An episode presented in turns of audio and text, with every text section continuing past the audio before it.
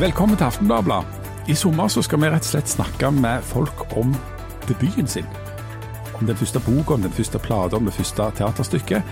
Og i dag så skal vi snakke med Janne Stigen Drangsholt, som domin øh, dominerte Christ. Som debuterte, Som debuterte med romanen 'Humlefangeren' i 2011. Velkommen, Janne. Takk. Vi kan jo begynne der med en gang. Altså, føl, føler du at du dominerte når denne boka kom ut, eh, eller?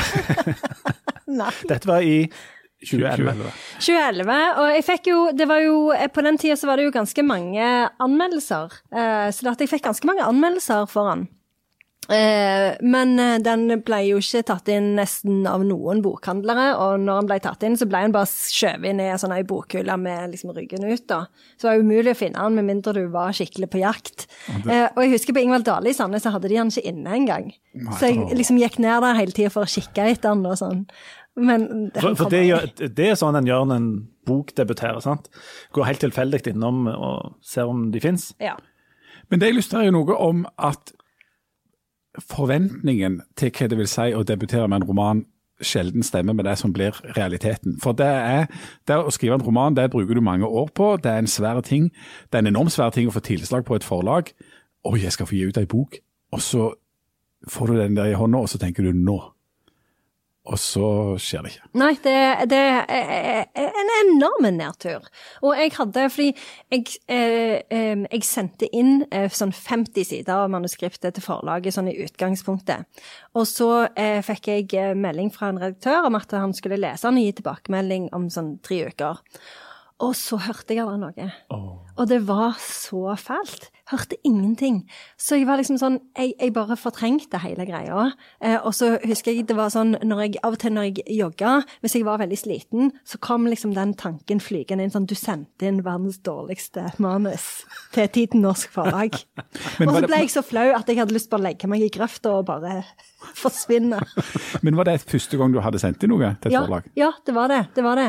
Eh, men jeg liksom, også jeg hadde jo vært forberedt på at de kom til å si at dette var dårlig. Men det som var så fælt, det var at eh, jeg liksom nå tydeligvis hadde skrevet noe som var såpass dårlig at de ikke engang orka å liksom forholde seg til hvor dårlig det var. Men, men du var jo eh, midt i 30-år, sånn at det var ikke sånn at du hadde sittet og, og, og skrevet for skrivebordsskuffen gjennom ungdomstida, og så liksom debuterte purunge. Hvorfor begynte du å skrive på det tidspunktet? Jo, for det, det, var vel fordi jeg var i en midtlivskrise, da. Ja, akkurat, ja. Akkurat. Nei, nei, jeg vet ikke om det var det, men det var liksom sånn at det, jeg tenkte For jeg hadde alltid vært redd for å begynne, fordi at det, det var så veldig viktig for meg å klare det. At hvis jeg mislyktes, så kom det til å bli et lite traume, tenkte jeg. Det, og det trenger jeg ikke flere av. Så, så det, var, jeg tror det var litt det at jeg var så enormt redd for å mislykkes, altså det betydde liksom så enormt mye for meg. Men, du hadde, men du hadde jo allerede eh, mann og tre barn og en jobb som førsteamanuensis, altså litteraturforsker. Eh, så det burde jo ikke være verken tid eller noen sånn karrieremessig grunn til at du skulle begynne å skrive. Nei, og det var enormt stress, eh, fordi jeg måtte jo stå opp så tidlig for å få skrevet, og så var det liksom mye bleier og Nei, det var Jeg føler liksom Når jeg tenker tilbake på den tida, så tenker jeg bare på å være sånn konstant zombietrøtt hele tida. Men hvorfor gjorde du det da? Jeg vet ikke helt hvorfor jeg gjorde det, for jeg syns ikke det er noe spesielt. Det er ikke noe sånn at jeg blir lykkelig når jeg skriver, eller noe sånt, og det er jo, kommer jo heller ikke av seg sjøl. For sånn som med jogging, så kommer jeg aldri inn i en sånn flow-sone, og det gjør jeg heller ikke med skriving. Det er liksom må presse fram hver greie. Men jeg vet ikke. Og, og, det, og det var veldig lite tilfredsstillende, for det er jo sånn at sagt, det var, sånn som dere sa, det var jo ingen som leste den boka. Eh, så dette, det var jo heller ikke noe sånn Jeg gjorde det kanskje litt for at jeg ville bli lest, for den doktorgraden min var det jo i hvert fall ingen som leste, og de vitenskapelige arbeidene var det heller ingen som leste. Så jeg tenkte sånn, endelig skal jeg få et publikum Ja. som kan høre på alt det jeg har å gi. Og, men ingen, ingen var interessert. Og Boka heter altså 'Humlefangeren', kom ut i 2011. Og det hele begynte med, rett og slett, at du, Janne Stigen Drangsholt, tok livet av en fugl. Mm. Du reiv hodet av Var det ei due? Det var ei due. Fortell. Eh, det var i barnehagen til ungene. Eh, så skulle jeg hente, eh, og så sto det var, De har sånn skog i den barnehagen der, og så sto to av de ansatte med noen sånne litt sånn triste plastikkspader. Eh, og tydeligvis hadde et prosjekt som de holdt på med. Og så eh, var de sånn ja, Kan du komme bort hit, liksom. Denne fuglen har det ikke bra, for han hadde flydd på et tre. Så han var jo veldig skada og lå der og flaksa litt sånn trist med vingene. Og så kan du ta livet av han. Så jeg sånn, ja ja, selvfølgelig. Så tenkte jeg jeg må jo knekke nakken på fuglen, for det er jo ikke Det går ikke an å liksom begynne å med en stein eller noe sånn. Eller med plastikkspade fra barnehagen. Plastikkspader. Står og slår og slår og slår med den plastikk...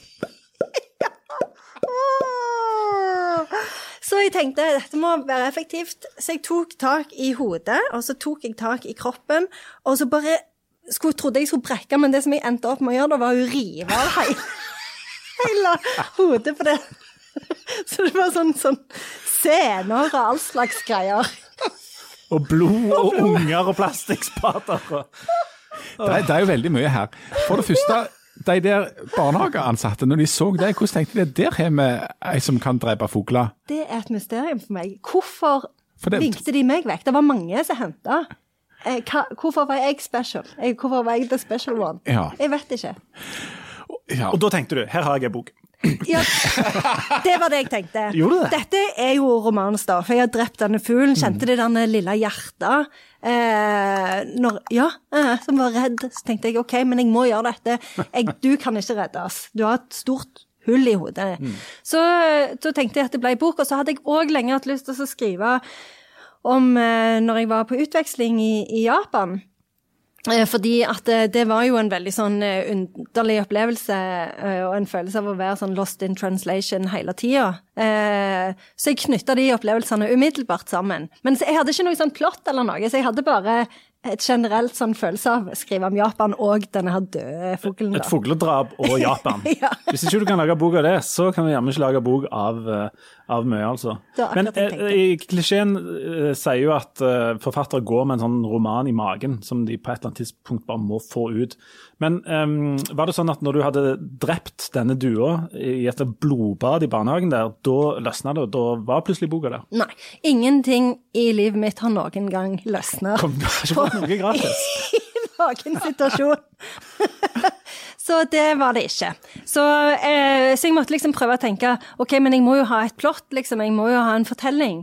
Eh, så det var ganske stress å få til. Det bare, eh, så det som endte en, det som jeg endte opp med, da, det var at det, for dette, de 50 sidene som jeg sendte inn til forlaget, de ble jo, jeg ble jo antatt på grunnlag av de sidene. Så det viste seg jo at han redaktøren han hadde jo gått ut i fødselspermisjon med tvillinger, og det manuskriptet hadde bare blitt forlagt. Men så ble det funnet igjen av en annen redaktør på et mye senere tidspunkt. Eh, så dette, men det som vi endte opp med, da, det var jo at det, eh, de 50 sidene ble jo kutta. Eh, fordi at Dette er så bra at du må- måtte gjøre det på ny. Du ble antatt på vegne av noen ark som de kutta. Ja, for de var alt- var altfor lang intro, og jeg hadde jo ikke noen fortelling eller noe. Jeg hadde jo bare det der fugledrapet og litt sånn løst og fast som Japan. Så da måtte jeg jo finne på en sånn en plott, og det kom etter hvert, da. Og hva handler denne humlefangeren da om? Hva er det som er plottet? Nå er det sikkert veldig mange som er spent på nettopp det. Ja, for nå har vi liksom jazza det opp fram mot det. Og det er ingen som har lest boka, så det er en utrolig spenning der ute. Jo, den handler Du, om du må ikke røpe om de klarer å fange den humla, for det er liksom det, det er så spennende at jeg nesten får litt sånn frysninger på ryggen sjøl når jeg tenker på det. Men eh, det er en sånn ei som reiser på utveksling til Japan, og så er det eh, hvor vanskelig det er. Eh, og så eh, er det at hun eh, kom i kontakt med noen som har vært utsatt for et sånn terrorangrep. For det var jo et sånn terrorangrep i Tokyo i 1995, eh, hvor det ble eh, sluppet ut masse gass på undergrunnen. Eh, og det er òg litt sånn eh, basert på eh, egne opplevelser. fordi at når jeg var i Japan, så var det jo en del av de terroristene som fremdeles ikke var tatt. Så det var, i bybildet så var det ganske sånn store plakater av de. Um, eh, og, og jeg skjønte ikke hvem disse her folka var. Eh, så, så, så det, var liksom, det var en veldig sånn intens følelse å se disse plakatene overalt. Og de delte jo òg ut sånn lightere på Subwayen, hvor de liksom hadde bilder av dem. Eh, hvordan de kunne se ut hvis de var i forkledning, da. Sånn at du òg skulle klare å kjenne dem igjen og rapportere dem inn hvis de hadde kledd seg ut som ei gammel dame eller en mann med bart. Så det var en ganske sånn storstilt jakt, da. Mm. Eh, og det eh, var noe som jeg på en måte jeg hadde lyst til å eh, jeg, var, jeg, var, veldig fascinert av liksom eh, det der med at ja, eh, den terroristhandlingen, da, at det, liksom, at det var noe som, som At japanere angrep japanere, som jo på en måte er helt uhørt, da. Orakel, som hun heter, dette mennesket som havner der borte, hun havner da i et samfunn som hun ikke forstår så mye av, egentlig. Det er litt sånn lost in translation-stemning, er det ikke det? Jo, det er det.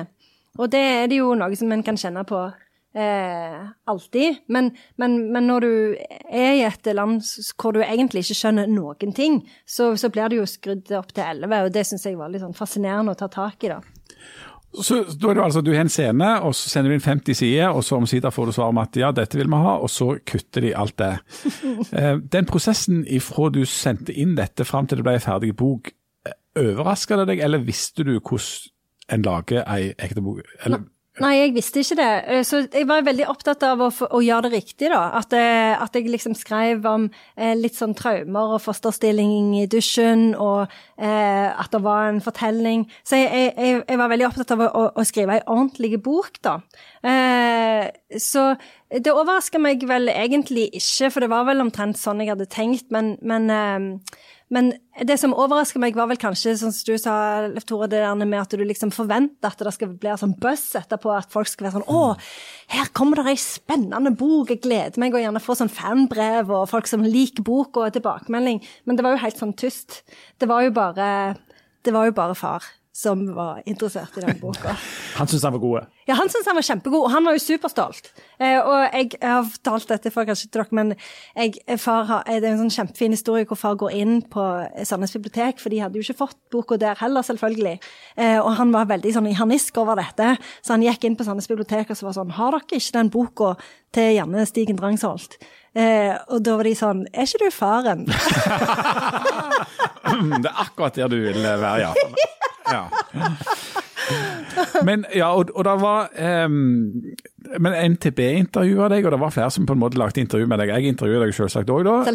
Um, ja, og da var det sånn at du, du hadde jo da jobb som litteraturviter, sant. og jobber liksom med engelsk litteratur og har et sånn akademisk og teoretisk forhold til litteratur. Men du sa at du håpte og trodde du hadde klart å kvitte deg med din indre litteraturteoretiker når du da ble forfatter. For det er forskjell på å sitte og drive og analysere hele tida og skrive litteratur sjøl. Mener du fremdeles det? Nei. Nei. Jeg tror ikke, og jeg tror ikke, og jeg hadde jo i hvert fall ikke gjort det.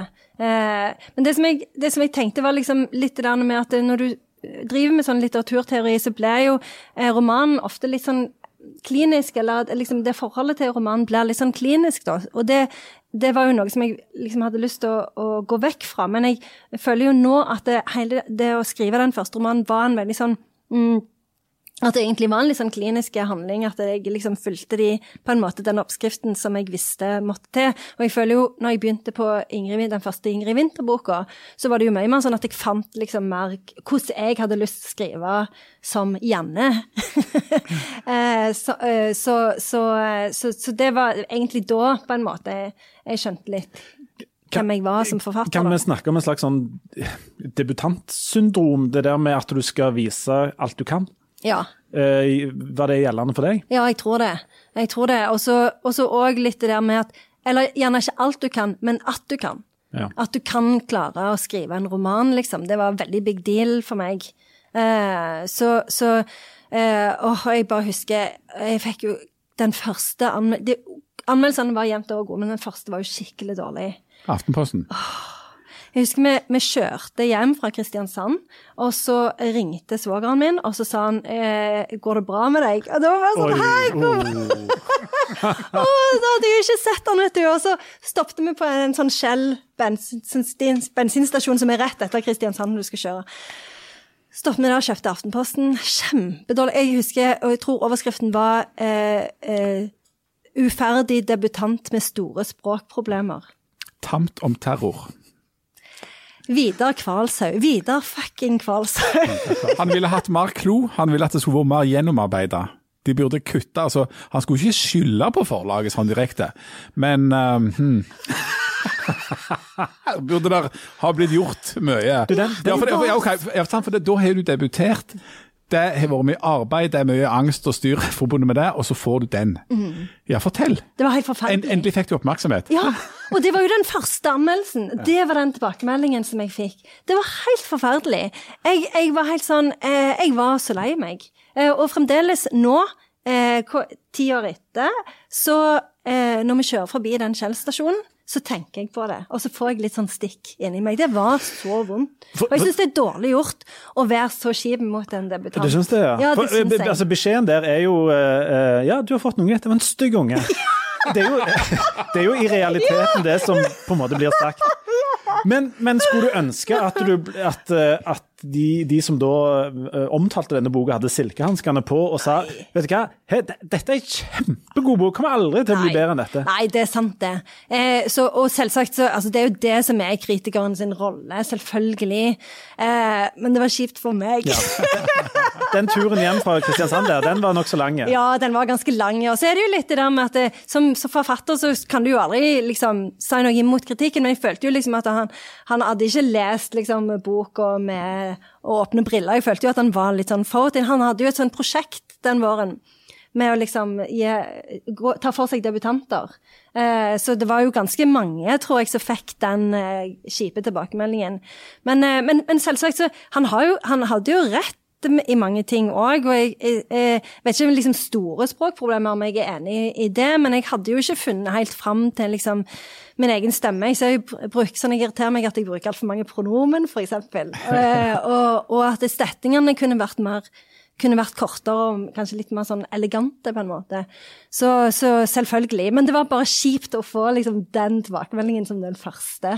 Det var, det var nedtur. Når jeg leser den om igjen nå, etter å ha lest Ingrid Winther-bøkene, så, så tenker jeg at eh, det var Altså at det, det er flinkt på et vis, og så er det ganske kjedelig. Ja, det er ganske kjedelig. Det er det. Eh, så liksom, ja. Og så når jeg har lest Ingrid Winther etterpå, så ser jeg at det er sånn snev av noe Ingrid Winther der.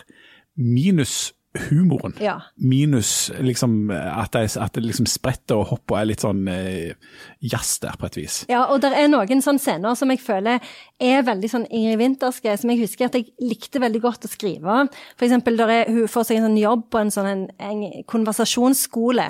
Eh, der føler jeg det er litt sånn anstrøk av Ingrid Winther, for han er veldig koko, han der som leder denne her skolen, da. Eh, og det, det husker jeg syns var veldig gøy å skrive, men, men jeg var jo ikke i nærheten av å tenke at liksom, å, jeg kan bevege meg inn på å skrive morsomt. Det var jo ikke liksom, eh, noe jeg tenkte på i det hele tatt. Så, så jeg er helt enig. Han er, han er, han er gørr, og han spriker, og liksom Ja. Eh, og, jeg, og jeg er jo faktisk òg misfornøyd med liksom språket, som sagt, fordi jeg syns setningene er veldig sånn lange og omstendelige, da. Og så hadde jeg ikke innsett at jeg er ganske dårlig på å beskrive omgivelser på det tidspunktet. så, så jeg hadde en del sånne beskrivelser som jeg bare liksom sånn Hæ? Skjønner ingenting. Det, er veldig mye, eller det er ganske mye om Japan her, sant? Du hadde vært på utveksling der. Um, og, og i denne boka er det mye, Japan, det er mye japansk språk. Eh, og så er det da, ditt, ditt eget utsagn, dårlige beskrivelser av plasser i Japan. og en del sånn, eh, en, og en del beskrivelser av eh, folk og logistikk og tog og alt, alt sånt som dette her. Var det noe som du måtte drive voldsomt med research på? Altså eksempel det der å skrive om japansk språk. Det kunne du bare liksom Nei, men bare- det var fordi at jeg hadde studert japansk i to år. Eh, før jeg reiste, Eh, så jeg var jo veldig opptatt av japansk språk. Så jeg følte liksom jeg måtte få litt igjen. ja. å... Men en skriver jo om det en kan. Ja, en gjør jo det. Det er helt sant. Så det gjorde jeg. Eh, så og, jeg, og det der med, med liksom Der er veldig mye om tog og sånn. Jeg var jo veldig sånn det var var jo mye reising fram og tilbake. Det var mye tid på tog, og jeg var jo helt alene. Så det gikk jo liksom sånn hele dager uten at jeg snakket med noen. Så min Japan-opplevelse er jo å sitte og ikke snakke med noen. Og du er ikke noe glad i å snakke. Så det passet jo egentlig bra, da. Men da måtte jeg jo skrive. Du er veldig glad i tog. Veldig glad i tog. Og jeg husker bare når jeg kom dit, for jeg hadde jo eh, For det første var det jo sånn 80 grader. Jeg hadde på meg sånn ullklær, da, så jeg var jo dritvarm da jeg kom ut av flyplassen. Og var veldig redd, visste ikke hvor jeg skulle. Satte meg på en buss. Og så eh, den bussen var jeg helt sånn overbevist om at den var robotisert. At det, men det var Siden det var Japan? Ja, Ja. det var jo en bussjåfør der. Men jeg så ikke han før jeg gikk av bussen, så jeg bare skvatt noe helt vanvittig. Så jeg var jo litt sånn psykotisk fra det øyeblikket jeg landa, på en måte. En debut er jo også interessant fordi at det er jo ifra den debuten en går videre. En, altså En lærer sannsynligvis noe av debuten, og det er veldig veldig få som piker på debuten sin. Og det du fortsatte med å skrive var noe ganske annet, egentlig, selv om det er noen sånne punkt som, som tangerer. Men, men eh, hva var det med den erfaringen med den debuten som gjorde at du istedenfor begynte å skrive Ingrid Winther-bøker? Det var egentlig ikke den debuten, men eh, imellom så skrev jeg et, ei hel bok som forlaget absolutt ikke ville ha i det hele tatt. Mer langs de samme linjene? Ja, litt sånn. Ja. Det var um, sånn kornsirkler, og jeg flytta inn i sånn hus på Jæren, og blad i blad om det. Var det noe om Jærbanen? Altså, sånn, togmessig, var det en del der? Litt så dårlige beskrivelser av bokene? Nei, sykling i motvind. Ja, Sykling i okay. motvind. Men det ble ikke noe bok? Det ble ikke noe bok. Og da var, liksom, eh, da var det jo eh, redaktøren min som var sånn Kanskje du skal prøve å skrive morsomt i stedet? Og da bare tenkte jeg sånn No way, det skal jeg i hvert fall aldri gjøre. Så, så jeg tror det var mer den at jeg liksom At jeg hadde skrevet den boka som ingen ville ha. Eller ingen ville lese. Eh, og så ei til som ikke forlaget eh, var interessert i. Og så liksom Når ok, ikke engang de som har det som jobb å lese, orker å lese det. I know. Da er det kanskje på tide å liksom endre kursen Ja. litt. Så, så da eh, eh, begynte jeg på Ingrid Winther, var veldig i tvil og syntes det var veldig skummelt å skrive liksom humoristisk, og, eh, og er glad for det i dag. Og Der er jo forskjellen da, at istedenfor å plassere et eller annet menneske fremmedgjort borti Japan, som er ganske fjernt for oss, med masse japansk i, eh, så eh, reiser du til noe som ligner på Sandnes, eller iallfall en, en liten eller en by her, da, rett og slett.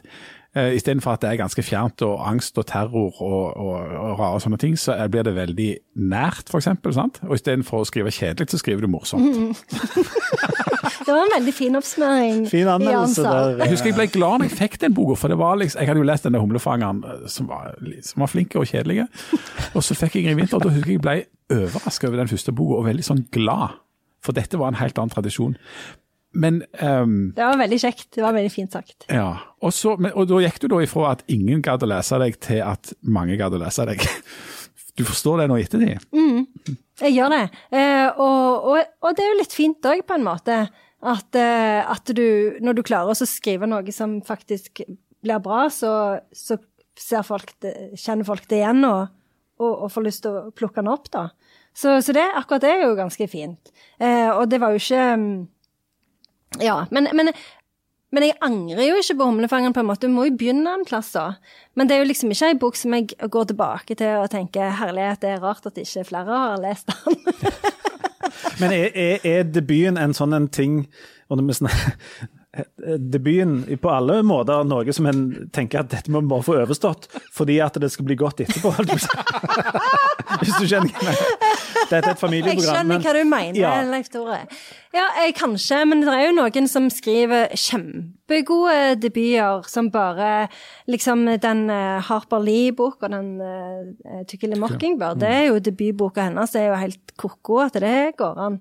Så, så, så noen um, Men jeg, jeg tror jo at, eh, at det er sånn at det er liksom faktisk de der eh, 10 000 timene. Du må jo bare skrive masse for at det skal bli bra. Så jeg er sikker på at Harper Lee hadde òg skrevet masse på forhånd, da. Sikkert fått refusert 50 sider om togdrift eller noe? ja, kanskje 50-60. Ja, ikke sant? Ja, så, så Hvor, hvor lang tid gikk det før du, fikk, eh, før du kunne se debuten din um, på en annen måte enn du gjorde på den turen hjem fra den Shell-stasjonen?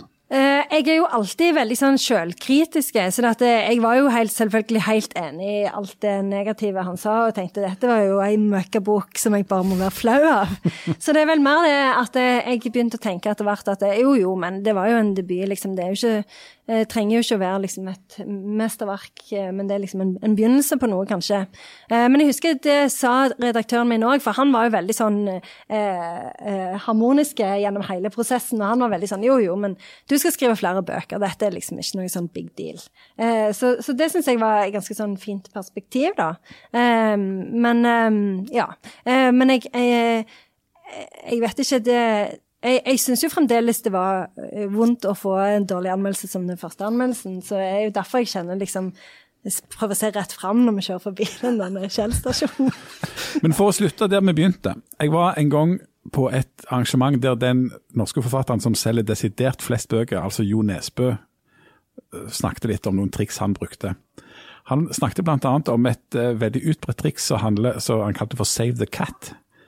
Altså at det sier noe om en karakter hvis du plasserer han i en situasjon der, du, der det er en katt f.eks., eller et dyr eller noen som trenger å reddes, hva som da skjer. Og så eh, brakte han inn en TV-serie som jeg ikke husker, helt, men der ligger en skada hund ute på terrassen en annen plass i New York, og så kommer det en hovedperson forbi. Jeg lurer på om det er Billions, altså, eller et eller annet sånt. Og så går hovedpersonen bort, og så ned og klapper litt på denne hunden, og det ser jo på en måte harmonisk ut, og så knekke nakken på han. Som muligens er å redde hunden, men at den har noe i seg som kan kreve at du knekker nakken hvis det er det som skal til. Tenkte du at det sa noe om karakteren din at hun tok livet av den fuglen? Ja, jeg tenkte at det gjorde det. Det var ganske viktig for meg. Det var liksom det som var karakteren for meg, at du tar livet av den der fuglen. Så, så, ja, så jeg er enig i det. Kone, kone Ingrid Winther, vil Ingrid Winther reve hodet av den dua? Ja. ja. du, jeg bare sniker inn et kjempelite spørsmål helt til slutt. Når du har skrevet den første boka di du, Faren gikk på biblioteket. Du gikk ned på, i bokhandelen på Sandnes og bare helt tilfeldigvis myste rundt. Men er det sånn at du går og spør folk om du har lest boka? Eller prøve liksom å finne sånne små hint av at folk har gjort det? Nei, egentlig ikke. Um, uh, jeg tror um, Jeg tror det var liksom det der med å På en måte Jeg syns at det virker så utrolig stas å være uh, en forfatter som kommer inn i en bokhandel og ser boka si. Jeg tror det var mest det, liksom, på en måte. Uh, og så hadde jeg jo lyst at folk skulle komme og si liksom sånn Ja, jeg leste boka di, og den likte jeg kjempegodt, og sånn. Men men det, det, skjedde jo ikke. Eh, så, så eh, Hva var spørsmålet? Jeg husker ikke. Nei. Men eh, eh, det var liksom Jeg vet ikke. Det var, var ikke det der med å ja, finne ut om folk har lest boka, ja. Nei, for jeg innså jo at det var det jo ingen som hadde gjort. Så jeg liksom ganske fort så, så ga jeg opp, liksom. Eh, eh, og, og, og, finne ut av det. Og så er det jo litt sånn skummelt òg, det der med når folk leser boka di. For folk er jo ofte ganske sånn kritiske. Eh, så, så, det er jo ofte sånn at de sier et eller annet som, som du føler er negativt, og at du har en tendens til å tolke ting litt sånn negativt. Så det er litt sånn ah, det er det er litt funnet det der akkurat Men en, en naturlig reaksjon på å ha gitt ut en bok som var litt kjedelige, og som ingen var interessert Men i. Men som var flink. Som var flink, og så skrev du ei til som ikke engang forlaget ville ha. Det ville jo være å slutte å skrive. Ja, og det hadde jeg jo tenkt uh, å gjøre. Spesielt hvis du har en jobb og tre unger i tillegg. Ja, så jeg tenkte jo på å gjøre det, men så tenkte jeg sånn ja, men jeg har jo lyst jeg har jo lyst å, Jeg husker jeg snakket med mannen min om det. så liksom, ja, men Jeg har jo lyst til å skrive flere, flere bøker. Så det var det liksom, det var en sånn, en, det er en sånn driv inni meg som gjør Sånn som nå òg så holder jeg på å skrive en bok som jeg strever kjempemye med, men jeg har så lyst. Humlefangeren 2? Ja, faktisk. Er det det? Nei. Oh, det var lukka Denne, denne, den debuten kommer, den kommer til å stå der, ja. fritt for seg sjøl? Ja, ja, det er fint. Hva holder du på å skrive nå, da? Jeg holder på å skrive en litt sånn skummel og spennende roman. Nei. Da er det bare å glede seg. Uh, det høres ikke ut som du mener det når nei, du sier det sånn. Nei, ikke i det hele tatt. Jeg kan bare snakke for egen eh, del, men hvis ikke det, kom, hvis ikke det dør noen i løpet av de første seks-sju sidene, og det kommer inn en litt lurvete etterforsker, så sliter jeg med å gjennomføre lese gjennom boka. Det dør noen, faktisk. Gjør det det? Ja. Da lover jeg å lese. Du, eh, tusen takk for at du, eh, du delte. Eh, vi kommer til å snakke med flere om eh, debutene sine i løpet av sommeren. Eh, stay tuned. Eh, takk skal du ha. Lykke til med skrivinga videre. Tusen takk. Snakkes vi. Ja. Snakkes. Ha det. Ha det.